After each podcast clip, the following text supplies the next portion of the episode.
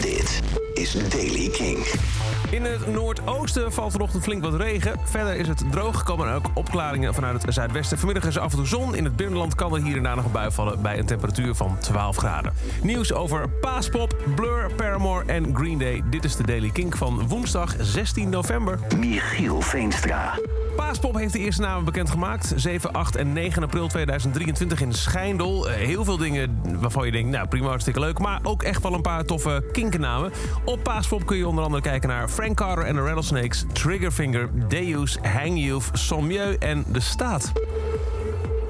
Groot nieuws was het. Twee dagen geleden. Blur kondigde een reunieconcert aan in Wembley in Londen. En toen ja, was er al van de hoop van zouden er meer komen. Nou, dat is er nu.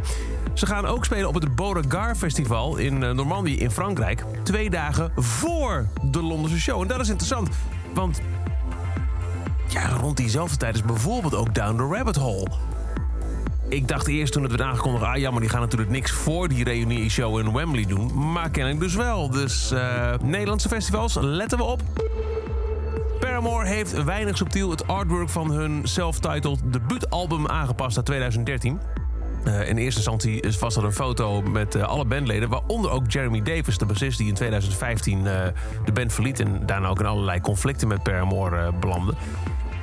Ja, dat kun je natuurlijk tegenwoordig doen. Met een album wat in je kast staat kun je moeilijk het artwork veranderen. Maar op streaming services, ja hoor. In plaats van de groepsfoto uit 2013 zie je nu eh, Hayley Williams... met eh, op haar rug de tekst Grow Up.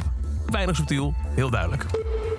En de geruchten gingen al een poosje, maar Green Day heeft nu bevestigd dat ze inderdaad dit jaar een nieuw album hebben opgenomen. Ze hebben een video gedeeld op TikTok waarin ze hun hele jaar 2022 delen. Live trailers, backstage beelden. What the fuck, wat een jaar staat erbij.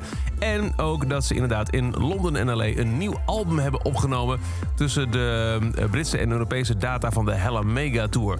Meer informatie over het 14e album van Green Day, zoals bijvoorbeeld een release datum, is er nog niet, maar het is er dus wel. Tot zover deze editie van The Daily Kink. Elke dag in een paar minuten bij met het laatste muzieknieuws. Niks missen? Ga dan in de Kink-app naar het kopje podcast. Zoek daar de Daily Kink op en vink abonneren aan. Dan krijg je elke dag bij een nieuwe aflevering een handige melding op je telefoon. En vergeet niet, voor meer nieuwe muziek en muzieknieuws... luister je s'avonds naar Kink in Touch. Elke dag het laatste muzieknieuws en de belangrijkste releases in de Daily Kink. Check hem op kink.nl of vraag om Daily Kink aan je smart speaker.